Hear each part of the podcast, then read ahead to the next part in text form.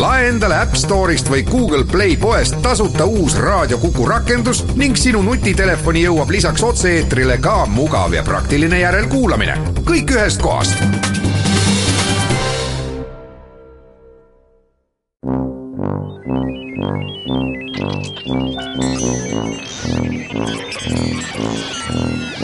vanamehed kolmandalt.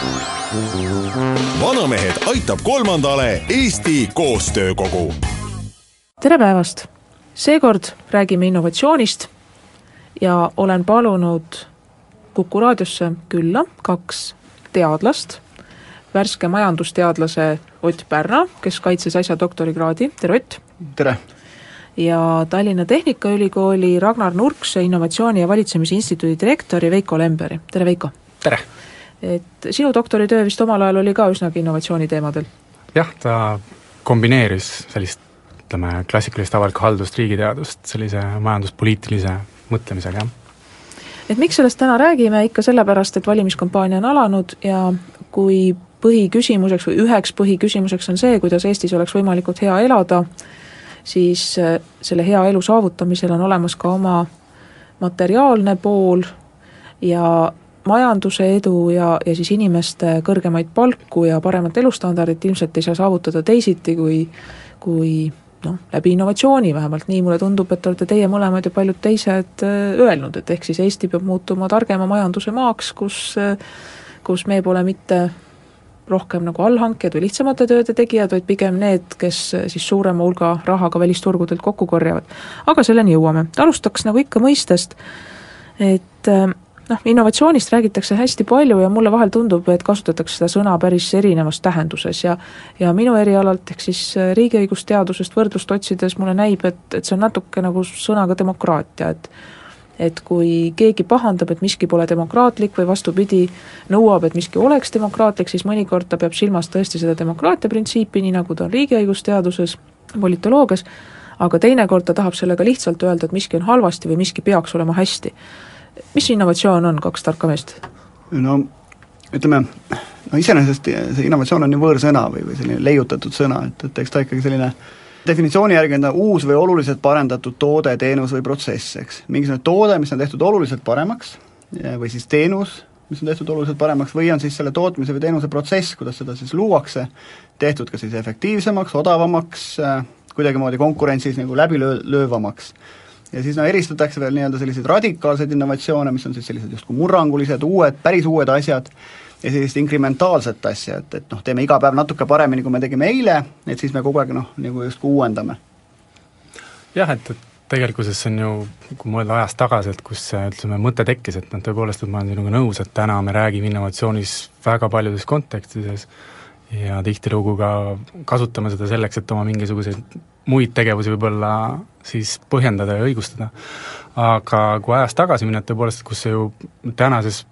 tänase päevani me olemegi peamiselt seda sellises majanduskontekstis ju lahti mõtestanud, seda mõistet, et et nagu Ott ütleski, et me seostame seda sellega, et kuidas me saame mingisuguse konkurentsieeluse, eelise turul, et ja mõneti see ongi seotud ju sellise nii-öelda organisatsiooni ellujäämisega. et kuidas siis see ettevõte seal turul ellu jääb ja ja iseenesest, kui me vaatame, et innovatsioon on nagu üks peamisi viise, kuidas sa saad tekitada konkurentsieelise, sa tekitad mingisuguse ajutise või siis teinekord ka pikemaajalise sellise eelise. ja läbi selle sa, läbi selle sa ühtpidi jätad ennast ellu organisatsioonina, teistpidi teised ettevõtted, organisatsioonid püüavad sind siis kopeerida. sest nemad vaatavad, et see on edukas viis, kuidas ellu jääda,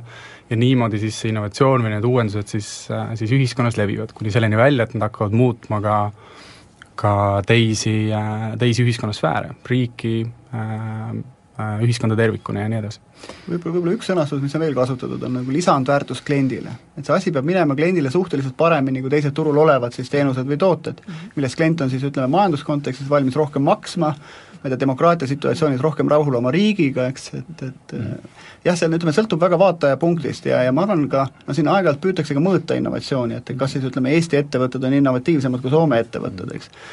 et, et ja noh, ilu on vaataja silmades, eks, et kui, kui inimene teeb oma ettevõtet ja kui ta seal uusi tooteid ja teenuseid nagu arendab, siis ta noh, ennast peab innovatiivseks, aga teistpidi, et kui sa vaatad, et kui oluline on see ettevõtte tegevus üleüldse turul, võrreldes teise riigi ettevõtetega, nii kui selline noh, strateegiline keerukus, olulisus rahvusvahelistes väärtusahelates, kui lihtne või keerukas on see tööfunktsioon, mida antud riigis tehakse, siis võib juhtuda sul olukord, et ütleme, seda lihtsamat tööd tegev ettevõte on suhteliselt innovatiivsem, kui palju suuremat lisandväärtust tegelikult tootev ettevõte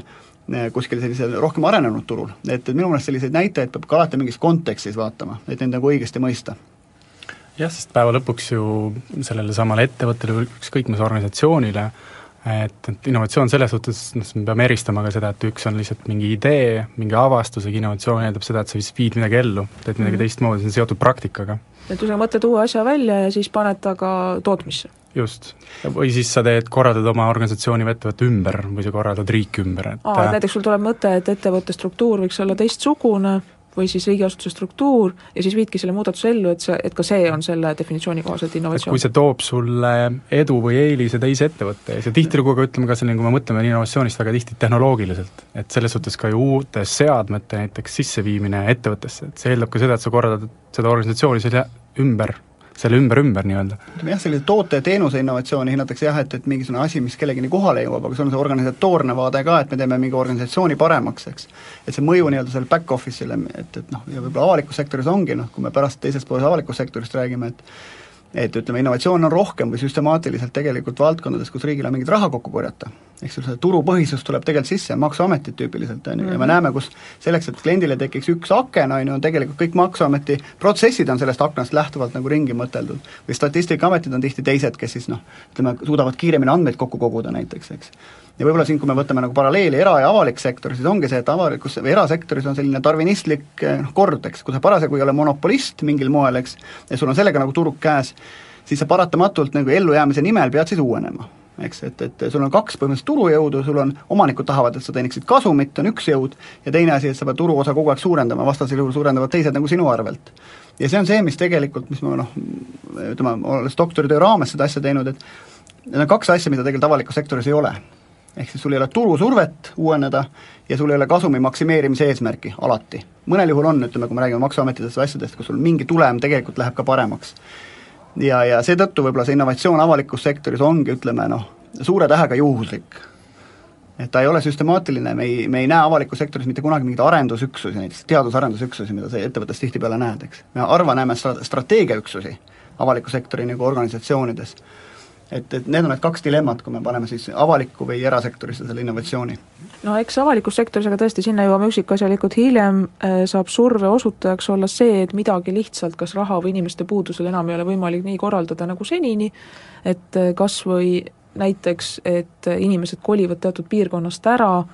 ja nendele, kes sinna on alles jäänud, tuleb ikkagi avalikku teenust osutada, siis sa pead mõtlema midagi muud välja, sest et riigile pole jõukohane igal pool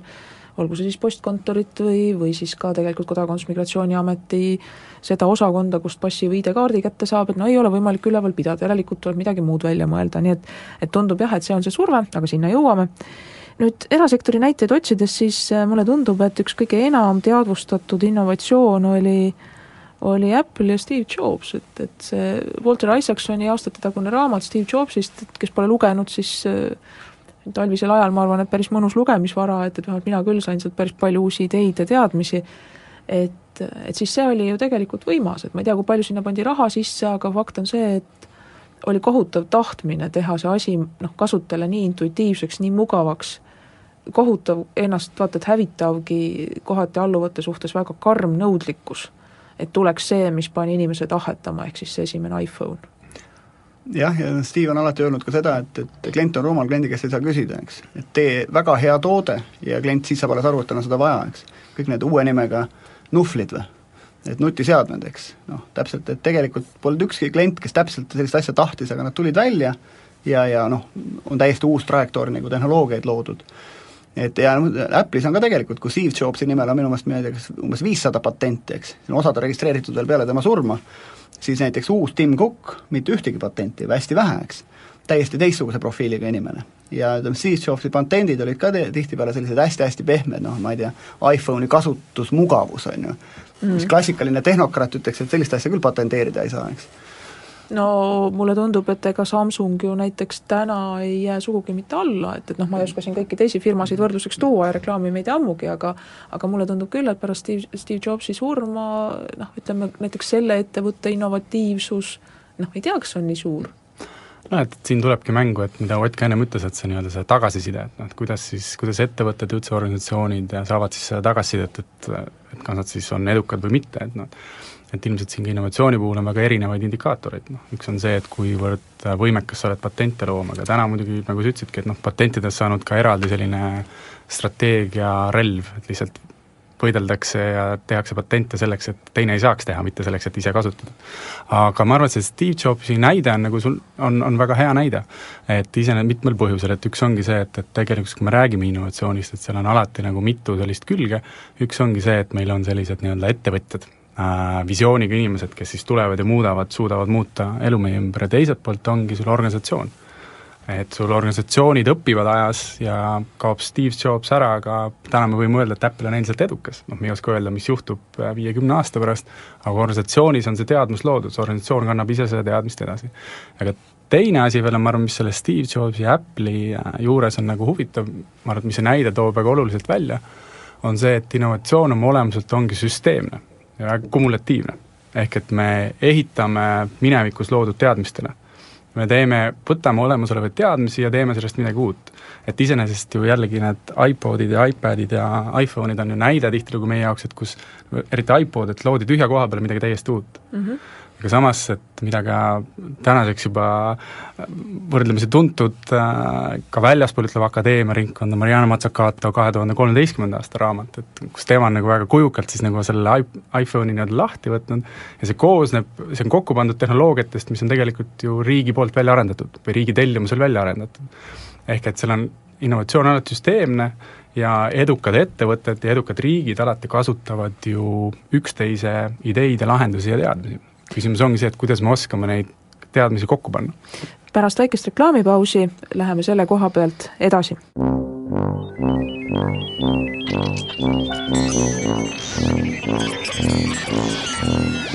vanamehed kolmandalt. vanamehed aitab kolmandale Eesti Koostöökogu. jätkame saadet. Ott Pärna, värske majandusdoktor, Veiko Lember teadlane Tallinna Tehnikaülikoolist, innovatsiooniuurija ja saatejuhi rollis Ülle Madise, ja jäime siin enne reklaamipausi pidama minu meelest hästi huvitava eh, märkuse juures, mis sa, Veiko, tegid, et et ka see Apple'i telefon, mis sellel hetkel, kui ta turule tuli, oli paljude jaoks vaata et noh, ime, täiesti teine võrreldes sellega, mis meil varem eh, noh, ka paljudel taskus oli. ja et kuidagi pandi kokku siis midagi, mida oli tellinud, ma saan aru, siis maksumaksja raha eest tegelikult riik mingite oma asjade jaoks ja äri kasutas seda ära või mida sa silmas pidasid? ma pidasin silmas seda, et, et enamus innovatsioone ongi ju olemasolevate teadmiste uutmoodi rakendamine. et seesama, see Apple'i näide on lihtsalt ehe näide, et kus sa rakendad olemasolevaid teadmisi uutmoodi, sa võtad loomulikult ettevõtjana ka meeletuid äririske aga, aga selles suhtes, et ma arvan, mida see näide nagu näitlikustab, on see, et need uuendused, mis nii turul kui ka siis riigis, ühiskonnas toimuvad, need toimuvad alati mingisuguses sellises süsteemis, mingisuguses ökosüsteemis. et äh, kus on alati mitmed osapooled ja sealhulgas ka siis riik jah, sellepärast räägitaksegi innovatsioonisüsteemidest, mis võivad olla siis rahvuslikud, regionaalsed, eks, sõltuvalt siis sellest noh, kontekstist, millest me räägime parasjagu, seal on erinevaid tegelasid seal süsteemis, seal on sul partnerid nii-öelda tehnoloogia pakkujate poole poolt, sul on seal kliendid, sul on seal teadusasutused, sul on seal mingid regulatsioonid, poliitikad, eks, et see innovatsioon toimub mingis kontekstis, et ta ei toimu nagu isolatsioonis. ja mis võib-olla nende patentide koha pealt märkuseks, et ma mingi aeg tagasi vaatasin Nokiat paar aastat tagasi, üksteist tuhat patendiperekonda on ju, et, et neid tegelikult kaitstakse teatud asju ära sellepärast, et kaitsta turgu. ja see, need suured vaidlused Apple'i ja, ja Samsungi vahel ongi tegelikult ju patentide või, või nende intellektuaalse omandi kasutamise üle, eks. et, et see noh, ütleme karm võitlus käib seal nagu, no me vaatame ilusat, ütleme, mingit arvutit, eks, aga mis ma tahtsin veel öelda, et ütleme, mis puudutab nüüd siis Steve Jobsi kadumist Apple'ist, et mis nüüd Apple'ist saab, et noh, eks on erinevad stsenaariumid, et General Motors on siiamaani püsti, eks. et originaaljuhti pole sada aastat enam ees olnud, eks et, et ütleme, lühemas perspektiivis ei juhtu selle Apple'iga nagu mitte midagi, sest et ütleme, viis aastat perspektiivis on tegelikult asjad juba laboris olemas. ehk siis need asjad, mis täna Apple'il välja tulevad, võib-olla homme või veel paari aasta jooksul on tegelikult Steve Jobsi ajal juba nagu leiutama hakatud, mõtlema hakatud. et, et ütleme, võib-olla see kümme aastat võiks olla perspektiivi, kus vaadata, mis Apple'ist nagu sai, eks. ja võib-olla selline börsi noh, hind natuke äh, ilmestab ka seda usku sellesse ettevõttesse, see ei ole nagu selline nominaalne ettevõtte väärtus niivõrd, on ju. et, et ähm, et selles mõttes jah, ütleme Apple'i tulevik on pigem pikema perspektiivi küsimus, aga Apple, millega ta on tugev tegelikult, on see, et ta ju arendab riistvara ja tarkvara koos mida enamus teised nii-öelda tegijad turul teevad eraldi mm.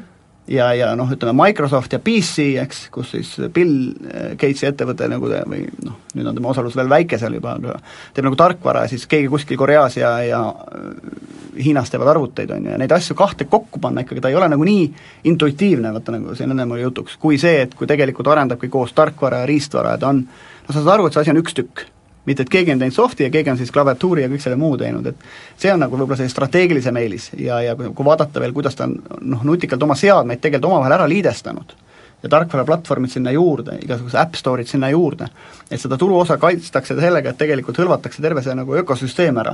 mitte niivõrd ühe tootega ei-öelda turul, ja siis lõpuks saavutatakse see, et ütleme, noh, Apple'i äh, laptopi on ju, kasumi osa on üks kolmandik, eks Mm -hmm. mitte kunagi ükski riistvara tootja in-, või noh, Hiinas ei suuda sellist kasumit teha. et nüüd liiguks äh, avalikule sektorile lähemale ja päris hea sild tekkis ka, et, et tõepoolest äh, küllap on need uued tooted, mis äh, siis paljudele rõõmu teevad lähematel aastatel, on juba paljudel firmadel ja ka Apple'il olemas sisuliselt ja tuuakse järgemööda välja, aga noh, konkurentsisituatsioon on kõva ja see surve on seal erasektoris ja eriti infotehnoloogia valdkonnas ju praegusel hetkel tohutu. ja nüüd tekibki see küsimus, et kuidas leida parimad inimesed, kes on võimelised välja mõtlema selle uuenduse, mis võimaldaks kas või oma turuosa säilitada või mis veel parem, et, et muutuda paremaks ja muutuda paremaks selle läbi, et inimeste elu muuta paremaks. et tegelikult see nõuab kõvasti aju, see nõuab kõvasti noh, öeldakse peenelt motivatsiooni, et ehk siis inimesi, kellel on kirge ja tahtmist. ja, ja vot, et see on nüüd minu meelest küll kriitiline küsimus, et, et kuidas ja kes suudab endale leida need inimesed ka sealsamas erasektoris, kus konkurents on niivõrd tugev, ja kes suudab leida need nupud, millega need inimesed panna mängima nagu võrratu ansambel, kes siis noh, mõtlebki välja selle uuenduse. et lihtsalt kaob meeleolu ära, vähemalt see on minu mulje ja see on tegelikult ka sild avaliku sektoriga, et kaob ühes asutuses meeleolu ära ühel hetkel ja ongi mugavustsoon, et saab ju nii ka, nagu me praegu teeme ja noh, hästi ja ehk ilmselt nende sektorite vahe ongi peamine selles, et kui sul tekib mugavustsoon, siis ühes sektoris sa siis järgmisel päeval kaod ära. et sa, sa ei jää organisatsioonina püsima, teises on sul ellujäämismehhanismid on teistsugused. et, äh, et seal ongi, noh ma arvan, tulles tagasi ka saate esimeses, kohe täitsa alguses toodud sellise par-, noh, sellise paralleeli demokraatiaga, et et iseenesest need avalikus sektoris, need ellujäämismehhanismid ongi ju seotud, ma arvan, meil sellise äh, demokraatiaga, seoses, seotud sellega, kuidas, kuidas poliitiline võim riigis jääb äh,, suudab läbi viia oma äh, ideid, muutuseid, kuidas nii-öelda kord säilib, kuidas säilib selline legitiimsus ühiskonnas, ja teiselt poolt erasektor, kus siis on, sa pead ellu jääma, vastasel juhul sind, sa pead uuenema, vastasel juhul sa ei ellu ja see ka, et noh, igasugune innovatsioon on seotud ju kahe poolega, ühelt poolt on see võit potentsiaalne, mis sa võid saavutada, aga sa lähed tegelikult tundmatule maale, ehk siis sul on tegelikult riskid, eh, mida sa pead ka arvestama. ja avalik sektor tihtipeale neid riske ei arvesta, et, et noh, riskid ei ole tolereeritud et, et keegi ei ole, ütleme ühelt poolt motivatsiooni pool, keegi saab tohutuid boonuseid, kui midagi läheb väga hästi, ja aga kui midagi läheb viltu, et siis keegi võtab kuskilt poliitilist vastutust ja seetõttu liidrid avalikus sektoris on hästi nagu sellised resistantsed nende innovatsioonide suhtes tihtipeale. mistõttu siis need organisatsioonid ka vähe innoveerivad ja tihti ka sellised, ütleme, ettevõtlikuma mõttelaadiga inimesed, nad ei püsi nendes organisatsioonides, mis on nii-öelda Weberi bürokraatiast lähtuvalt kuidagi sellised hierarhiad ja noh, karjääriredelid ja asjad, eks, et, et ähm, et, et avaliku sektori organisatsiooni suur küsimus ongi see, et kuidas sa tegelikult noh, ühelt poolt süstematiseerid seda innovatsiooni, et on pidev protsess, aga teiselt poolt ikkagi, kuidas sa nagu motiveerid ja neid riske maandad täiesti teadlikult, et et sa ei saa avalikku sektorit ka uppi lasta, et me hakkame nüüd kõikide asjadega korraga leiutama, eks. jaa, et, et kui me juba sujuvalt selle avaliku sektori teema juurde läksime, et, et ma olen nagu täiesti nõus, et, et see riski küsimus ongi nagu võtmeküsimus, et me, me ühelt poolt ootame ja eeldame, et avalik sektor piltlikult öeldes tuleks ka ühel päeval oma iPhone'iga välja. Äh, teiselt poolt meil on selline ühiskondlik konsensus, et avalik sektor ei ole see koht, kus peaks riskantseid samme tegema, et selles suhtes on mõneti see lahendamatu paradoks. küsimus on, et kas me saame midagi sellega ette võtta. et et, et see on nagu, ma arvan, nagu üks, üks selline võtmeküsimus, et mille üle me arutame, meil ongi ka, ka siin Eestis ka lähenevate valimiste valguses kui ka järgnevatel aastatel tegelikkuses on selline keskne paradoks, mis me võib-olla peaksimegi lahti mõtestama jah, siit me jõuame selle ütleme, innovatsioonisüsteemi asjani ka, et, et, et olla kindlam selles, mis sa nagu teed, on täpselt see koostöö ühelt poolt klientidega, et saada aru, kellele sa seda teed, teiselt poolt ikkagi teadmus nagu baasiga, noh, teadusasutused, kõik see, et Eesti näiteks ettevõtted võivad olla suhteliselt noh, ütleme innovatiivsuselt keskmised Euroopas, eks, aga jällegi näiteks teadusasutustega koostöö on märksa väikesem, klientidega natuke suurem, et et, et, ähm, et see koostöömoment on hästi oluline ja minu meelest meil ütleme, selline üks selline grand avaliku sektori innovatsiooniprojekt on ju seesama e-residentsuse teema kus me läheme, ütleme sinna, kuhu Jakob Hurt käskis meil ütleme, sada viiskümmend või kuuskümmend aastat tagasi minna, on ju, et, et teeme vaimult suureks Eesti, nüüd on meil tehnoloogiad olemas. aga mis see tähendab, mis see filosoofilises mõttes tähendab, see ütleme, kümne miljoni e-residendiga Eesti, on ju, kuidas me suh-, suhtleme nende klientidega, mida me neile pakume, ja kuidas me sellest riigina kasu saame, nii ütleme, sellise pehme võimu ehitamise mõttes, et sõprade seltskond kasvab meil, eks, ja teiselt poolt ikkagi, et, et kas need tegelased siis ka mingit oma ärisid Eestist läbi juhivad. Ja kui nad juhivad, siis äri erinevates valdkondades on väga spetsiifiline, noh, maksuregulatsioon, kõik see kontekst, eks, kuni kohtuteni välja, kui me tahame siin, et ma ei tea, mingid Luksemburgist tuleksid mingid fondijuhid ennast siia registreerima. et kas see kogu see ökosüsteem toetab neid väga spetsiifilisi ärimudeleid jah, ma arvan, et sellesama e-residentsuse näite juures me jõudsimegi välja minu meelest nagu teise olulise küsimuseni, et üks, üks on see, et, et kuidas me siis nii-öelda kultiveerime piltlikult öeldes riskikäitumist olukorras, kus me tegelikult ei taha riskikäitumist, aga teine küsimus ongi seotud ja ma arvan, mis selle e-residentsus selle välja toob, ongi et et see, et kuidas me aru saame avaliku sektori innovatsioonist. et mis on see tagasisidemehhanism, et mis on see indikaator, mis ütleb meile, et nüüd on, kui me räägime, et innovatsioon on midagi, mida praktikas tehakse teistmoodi ja peaks andma meile mingisuguse eelise, et mis on siis see eelis, mis ühe või teise avaliku sektori innovatsiooniga kaasneb. Äh, üks on vaadata seda tõepoolest siis organisatsioonipõhiselt, et kas me suudame samasugust teenuste taset pakkuda väiksema rahaga. noh, Maksuameti näide Eestis teada-tuntud, äh, kulubaas ei ole viimased viis aastat äh, või rohkemgi muutunud, küll aga on siis sama me võime öelda, et sama või võib-olla isegi parem teenus, jällegi vaieldav, sõltuvalt kelle tooli peal istud, aga me võime öelda, et, äh, et Maksuamet oma põhifunktsiooniga ei ole kindlasti ju halvemini hakkama saanud täna. jah, numbrid näitavad, et tegelikult on maksuraha rohkem tulnud, et kui siin võib sind korraks äh, katkestada, siis tahtsin ühe konkreetse näite jällegi vahele tuua, et no nii, nagu enamasti meil need uuendused on seotud infotehnoloogiaga, siis mulle meenub, et vaata, avalikus sektoris teeb ju raskeks ka see, et ega algul ei olda uuendustega rahul. et kui sa võtad näiteks ID-kaarti, et mäletate, kui palju oli selle üle pahandamist, et noh, mis mõttes, noh pass on ju dokument mingi ID-kaart kõikidele digiallkirja kohustuslikult, et kui palju kuritarvitusvõimalusi, eks noh, tänaseks on tulnud välja, et et neid kuritarvitusi on olnud, aga väga palju vähem, kui, kui on kardetud, et samas see ID-kaart on nüüd aastate jooksul loonud hästi palju võimalusi nii era- kui avalikus sektoris teha midagi inimeste jaoks mugavamaks ja paremaks. ja tahtsin jõuda välja ju näiteks noh, e-tervise näiteks noh, digilooga e-apteegini, et, et see, et tegelikult helistad perearstile, et mul on vaja silmatilku, ta kirjutab äh, selle retsepti välja, sa tunni aja pärast lähed ja käid oma ID-kaardiga apteegis ära ja sul on see käes, ja samal ajal on arvepidamises ilusasti arvutis sees, et sellel kuupäeval oli tal, eks ole, vaja silmatilku, nii et kui hiljem näiteks on mingisugune või mingid muud ravimid, et hiljem kuidagi seisund muutub, et siis on kõik see kohe teada, patsient ei pea ise üles tähendama, et mis ravi ta on saanud või kuna tal midagi on olnud, et kõik see on teinud inimeste elu mugavamaks, aga alguses oli ju kohutavalt palju pahandust, nii sellepärast, kui palju raha on nendesse uuendustesse sisse pandud, kui sellepärast, et alguses tekkisid äh, tõrked, noh, mis võivad seisneda selles, et inimesed ei saa aru, aga ka objektiivselt, et enamasti igal pool, alguses, kui sa teda käivitad, on sees mõni viga, mõni infosüsteem kukub kokku, e, keegi teeb kuskil mingisuguse inimliku vea ja tulemus on see, et äh, et selle asemel, et saaks ravimeid kiiremini ja paremini näiteks kätte selle meie e-apteegi näite puhul, et et, et selle asemel hoopiski ei saa mitu päeva mitte midagi kätte just, et needsamad näited on, meil on, et selle eelmise mõtte lõpetuseks, et ongi, et terve rida näiteid, sealhulgas ka seesama digiretsept, mis, kus me saame nagu väga selgelt siis mõõta seda kokkuhoidu, seda kasu päevades, rahas isegi. ja siis on meil terve hulk avaliku sektoris ju tegevusi ühiskonnas tervikuna, mille ütleme, mida me ei saa taandada mingisugusele rahalisele või ütleme, kvantifitseeritud nagu äh, kuidagi tulemile, on ju, et seesama demokraatia, kuni selleni välja, et meil on demokraatlik ühiskonnakorraldus, mis on väärtus, kuni selleni, et meil on põhimõte, et kui me pakume avalikke teenuseid, siis oluline on see, et kõik saavad seda võrdsetel tingimustel. ja kõik, kõik need asjad on väga keeruliselt ju, väga keeruline on neid kuidagi ühte indikaatorisse panna. ja seetõttu selle avaliku sektori nagu innovatsioonide tagasiside probleem ongi see. et seesama e-residentsus on ka täna, ta on selgelt äh, äh, seotud määramatusega, me ei tea, kuhu see meid välja viib, me ei tea, mis on need, me teame mõningaid riske, aga, aga me ei oskagi täna väga hästi kirjeldada, et noh, et mis, mis on see nii-öelda see saadav kasu, et noh, et kas me ei, me ei taanda seda kunagi selleni, et, et aktsiaselts Eesti Vabariik teenib siis rohkem, et meil need äh, mõjud ja need väärtused on palju-palju laiemad ja teinekord keeruline on seda ka seletada ette. ja seetõttu on ka, ütleme, need muutused ju keerulisemad. Jah, ja siin on kaks äärmust, ühelt poolt on see, ütleme, et kui need Eesti sõbrad on nagu meie Facebooki fännid, on like inud ära, on kõik okei okay,, eks niipea, kui me hakkame neile mingisugust teenust pakkuma, mis peaks neile kasu tooma ja meile ka kasulik olema, siis nii palju, kui startup maailma mina olen näinud kümme aastat,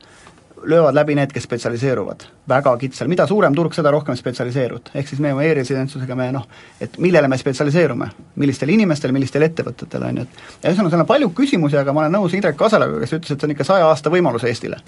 et selle tuleb nagu tõsiselt suhtuda ja ütleme noh, püüda riskid maksimaalselt ära maandada, vastutajad ära määrata, kuidas sa koordineerid väga erinevate asutuste tööd ühes suunas liikumisele,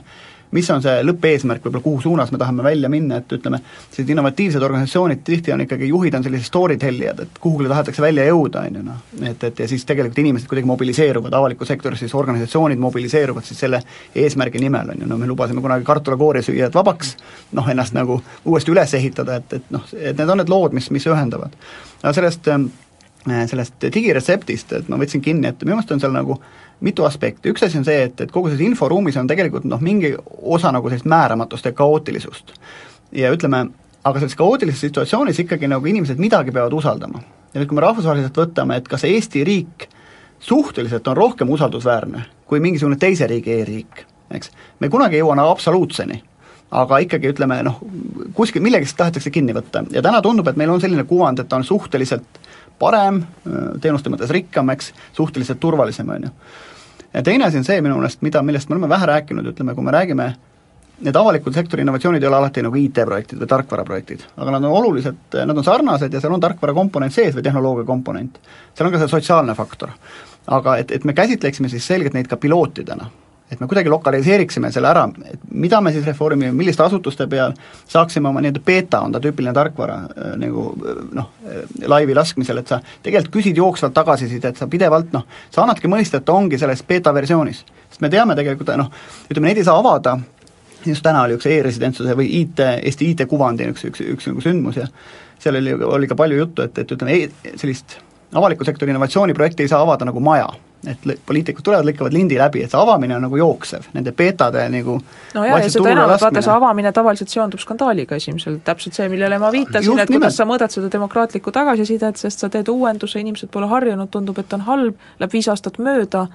ja tegelikult oleks raske ette kujutada elu ilma selle lahenduseta, et ja siit me jõuame tegelikult selle sotsiaalse pooleni, et üks asi on need tehnoloogilised ristid, et kas see süsteem töötab, ei tööta, kukub kokku, ei kuku, eks, aga teine asi on see sotsiaalne faktor, et, et kas need perearstid või kes iganes seda süsteemi peavad kasutama, jagavad seda süsteemi. Ehk siis, et kui laialt me mõnes mõttes IT-d õpetame, et kes õpib arstiks või apteekriks, kas ta saab piisavas mahus seda, et tegelikult mõista selliseid süsteeme et see on jälle see IT pluss, et tegelikult me peame üks hetk jõudma sinna, et mis iganes valdkonna me lõpetame erialalises mõttes, et meil on oluline komponent IT-s, et me mõistame seda nii-öelda tuleviku kirjaoskust.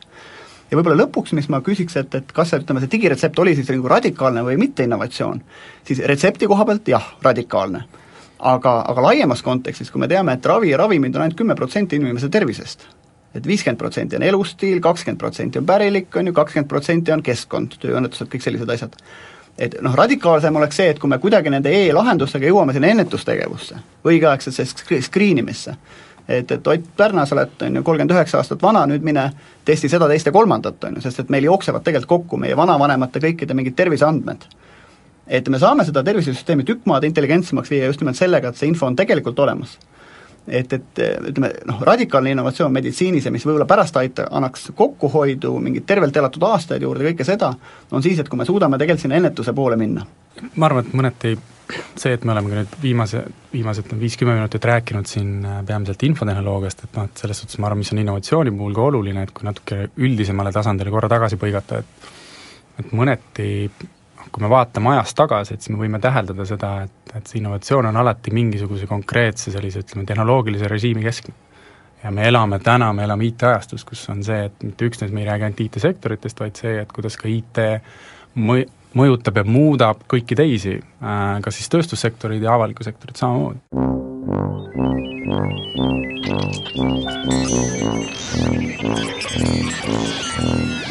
vanamehed kolmandalt. vanamehed aitab kolmandale Eesti Koostöökogu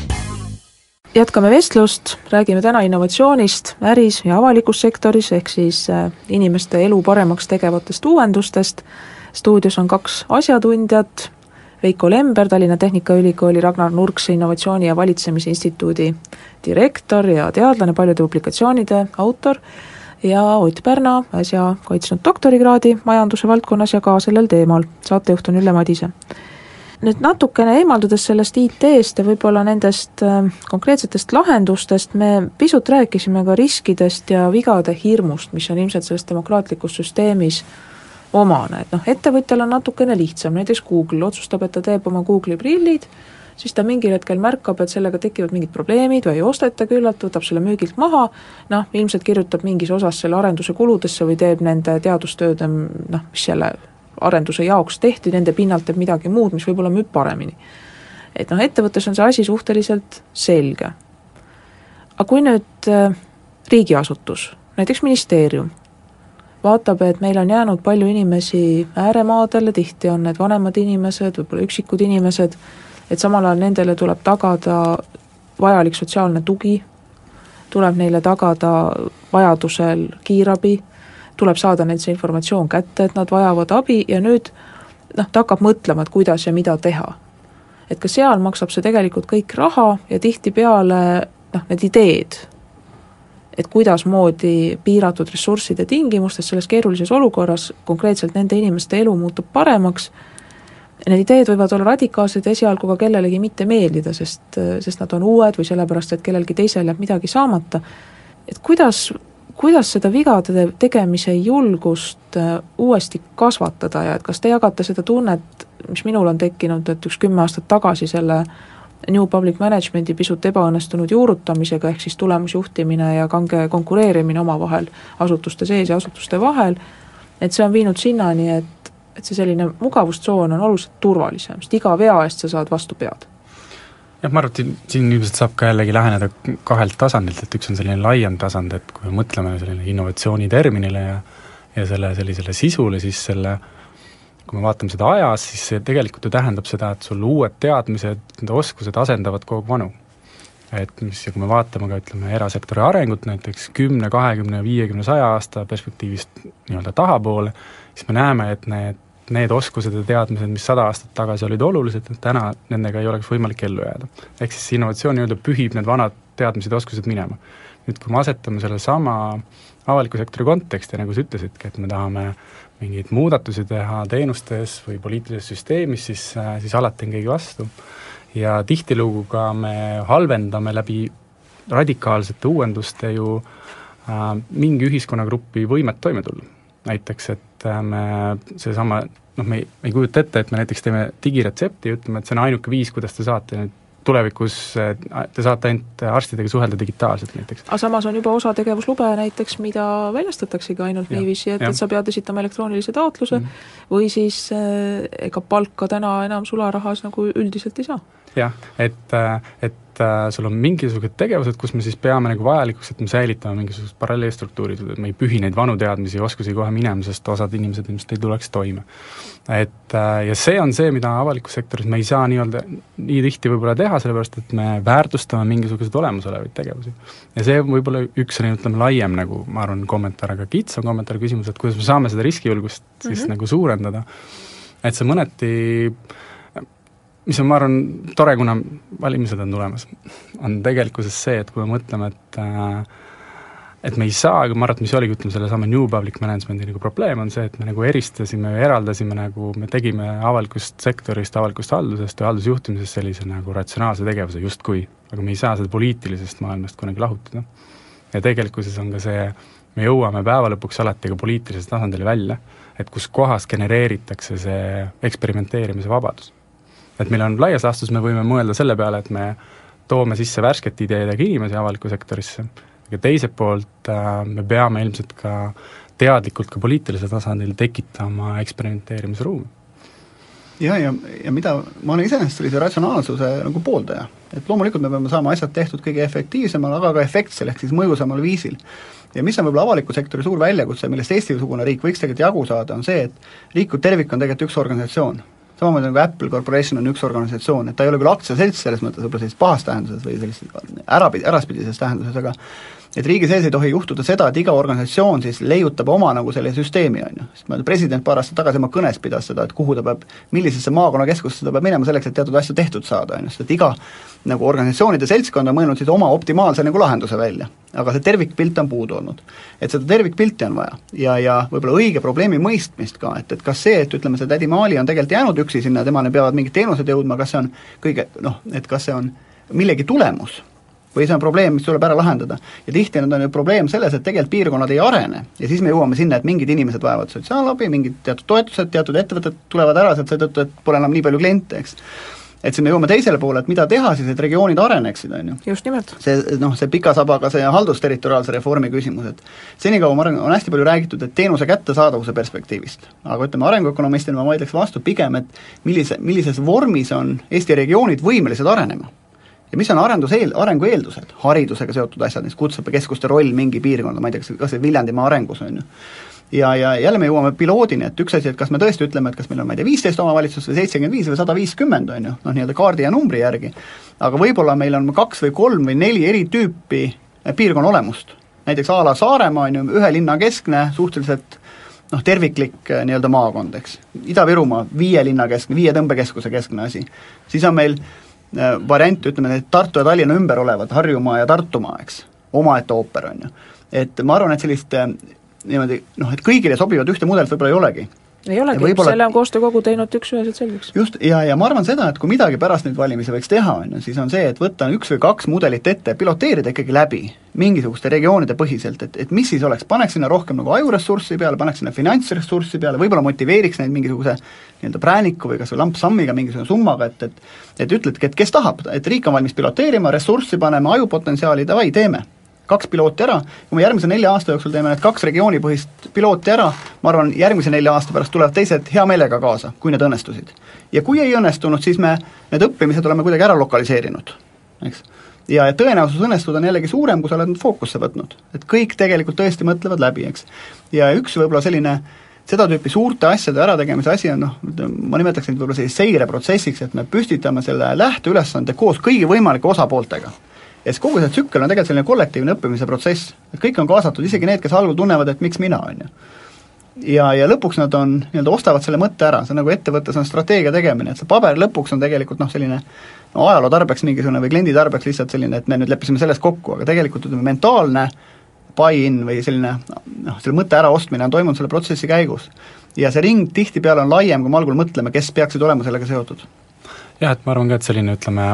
universaalse mudelikeskne lähenemine, et selle, sellel on selline, selline vildaka aluseeldus, et äh, põhimõtteliselt kui sa nagu väljast paned peale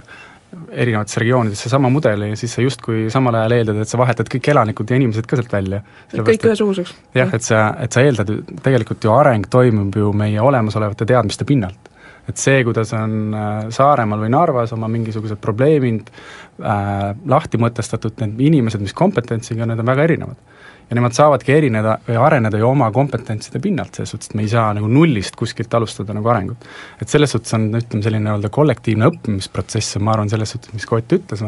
et see ilmselt on see, mida, mida me peaksime nagu palju rohkem rõhutama, et, et see, kuidas me sealt koha pealt äh, olemasolevate teadmiste pinnalt siis genereerime mingisugused järgmised sammud.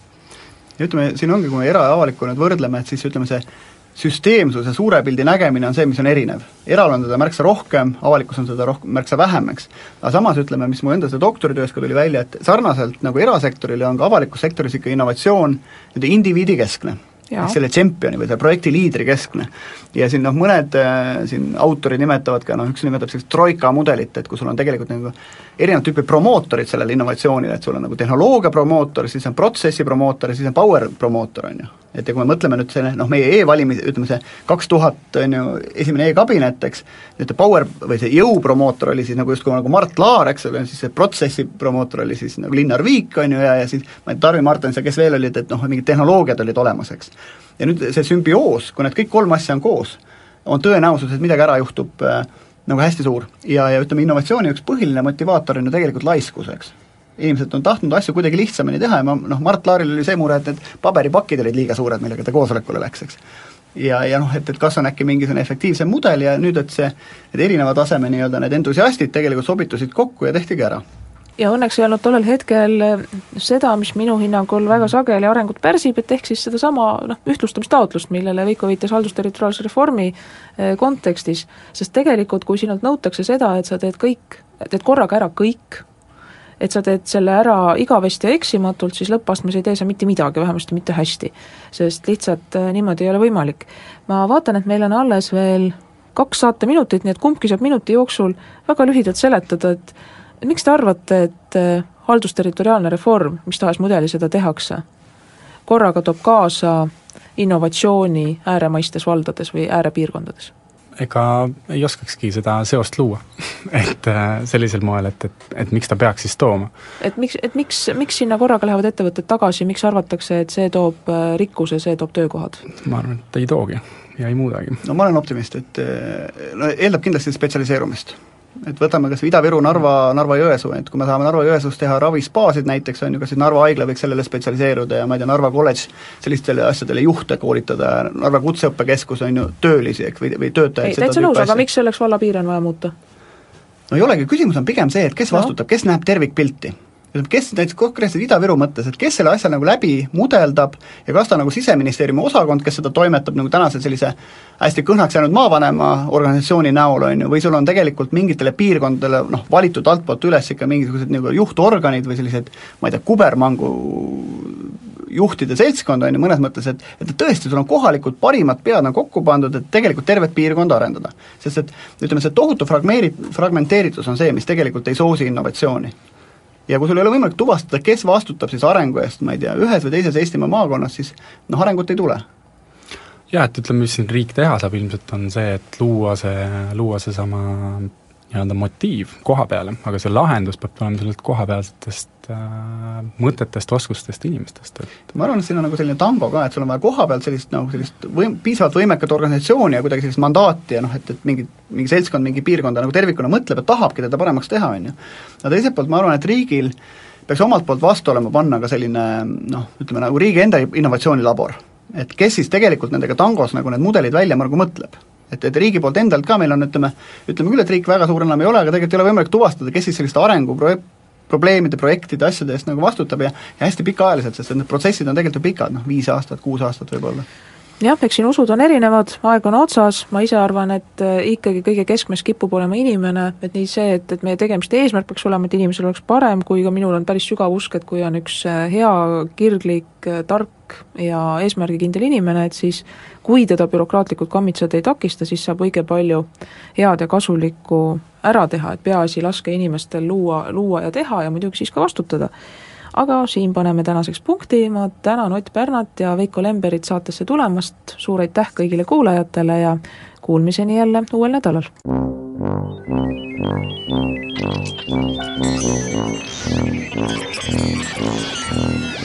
vanamehed kolmandalt.